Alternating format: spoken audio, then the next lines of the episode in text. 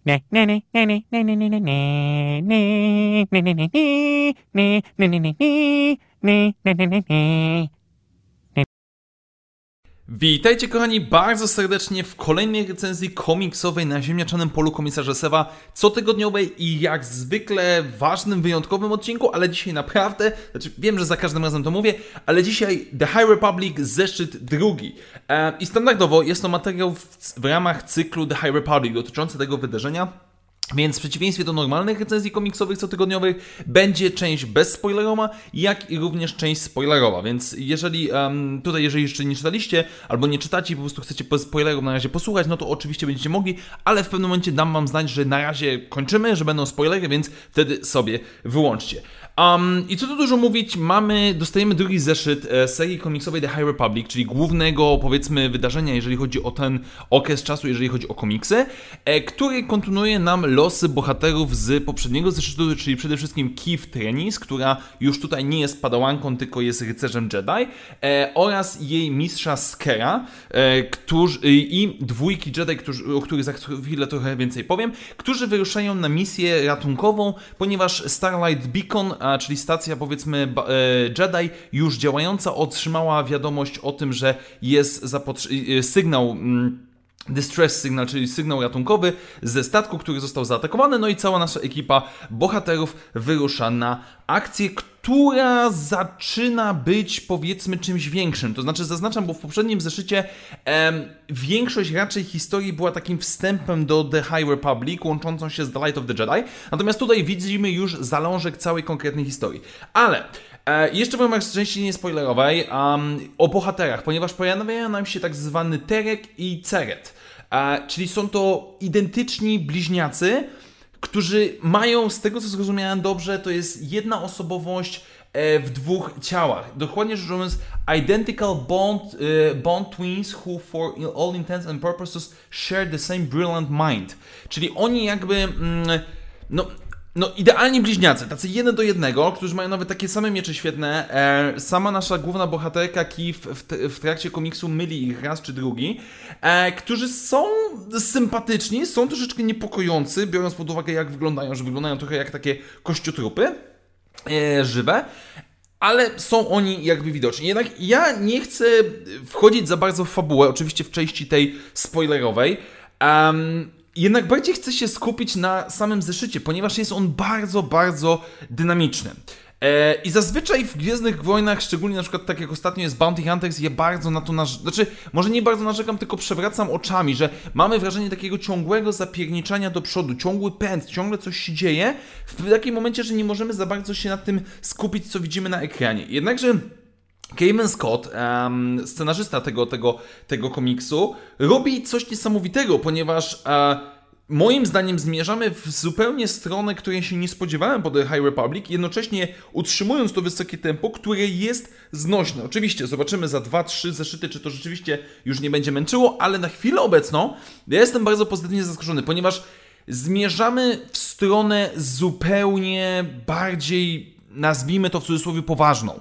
Bardziej mamy do czynienia z czymś, co jest brutalne, co jest niepokojące, co ma motywy horrorowe, ponieważ pod sam koniec zeszytu e, dostajemy sceny żywcem wyciągnięte z e, filmów typu Obcy, gdzie coś nagle tajemniczo atakuje naszych bohaterów, my nie wiemy co, e, co się właściwie dzieje. W pierwszej części mamy e, jakby też horrorowy nastrój na statku, który jest atakowany przez nihilów, um, jednak tutaj troszeczkę coś innego jest e, kluczową sprawą. Natomiast całość jest niepokojące, jakby, tak jak niektórzy po The Light of the Jedi twierdzili, że e, jakby mogę zrozumieć te argumenty, że ci Jedi są za bardzo tacy idealni, że ta cała Republika to jest wszystko pięknie, ślicznie, idealnie i w ogóle żeganie tęczą. O tyle w tym miejscu, po tej serii komiksowej, w ogóle Kevin Scott, który tworzył raczej rzeczy dla dzieci do tej pory w świecie Gwiezdnych Wojen, e, za małymi wyjątkami, robi nam coś niesamowitego i mi się to strasznie podoba. Już pomijam nawet fakt rysunków, które są niesamowite, um, ale naprawdę, naprawdę to, to się wszystko zgrywa. No i jest Scare.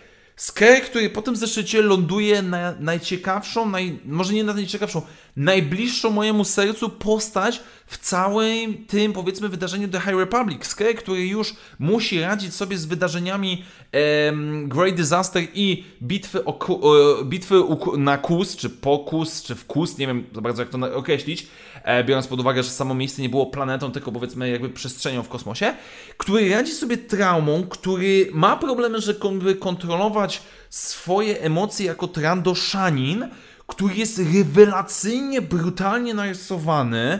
Są niektóre kadry, gdzie po prostu patrzymy na Skera i absolutnie nie widzimy w nim Jedi. No jakby widzimy tego wielkiego, masywnego gada, tak? I on, dobra, jestem Jedi i tak dalej, ale to jest coś niesamowitego. Matko, jak mi się strasznie podoba to, jak to jest wszystko prowadzone, narysowane, zaprezentowane. No, aż, aż teraz sprawdzę, kto jest odpowiedzialny za rysunki, bo totalnie mi to wleciało, ale Ario A Andidoto, e, przepraszam, Ario Anindito, e, tak się przynajmniej nazywa facet, Jestem bardzo, bardzo pozytywnie zaskoczony. Jedyne, czego się obawiam, to tak jak mówiłem, jeszcze teraz kończąc tą część bezspoilerową, obawiam się troszeczkę tego tempa, że my w pewnym momencie zaczniemy się męczyć, że to idzie za szybko do przodu. Znaczy, nie to, że fabuła idzie za szybko do przodu, tylko że no może troszeczkę się to e, w pewien sposób um, zbytnio zmęczyć po swoim tempem po jakimś czasie. Zobaczymy, w jaką stronę to będzie zmierzało i czy będziemy mieli jakieś uspokojenie.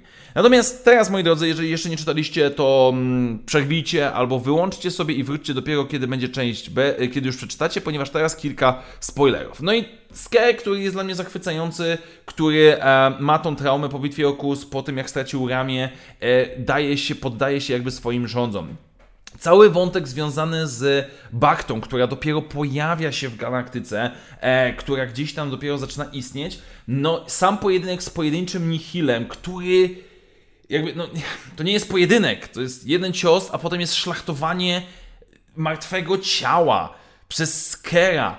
To jest wow! Jakby Uff, to jest naprawdę niepokojące, znaczy pozytywnie niepokojące. To, jak jest to narysowane, to, jak jest to zaprezentowane, to nie są Jedi żygający tęczą, pierdzący We are all the Republic i tak dalej, i tak dalej. Nie, to jest, to jest ktoś, kto widać po tych jego oczach, jak są narysowane, że ma jakąś traumę, że coś tam naprawdę w nim siedzi i nie wydaje mi się, żeby y, to było tylko i wyłącznie kwestia stracenia ręki przez nihilów. Nie wydaje mi się.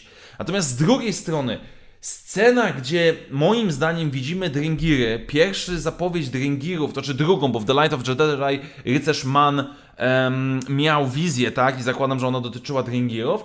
Natomiast z drugiej strony e, ten taki obcowaty kadr, gdzie nasz... jeden z tych, z tych naszych braci bliźniaków, powiedzmy, widzi czy wyczuwa za sobą jakiś obcego, jakieś zagrożenie, i na samym końcu to, że widzimy tylko jego miecz świetlny, to jest niepokojące. I jeszcze to, że na przykład mieszkańcy tej planety w ogóle mówią nie, Republika nie przybywaj do nas i jakiś Rodianin w dziwny sposób e, zachęca, czy, czy powiedzmy kusi tego naszego rycerza Jedi.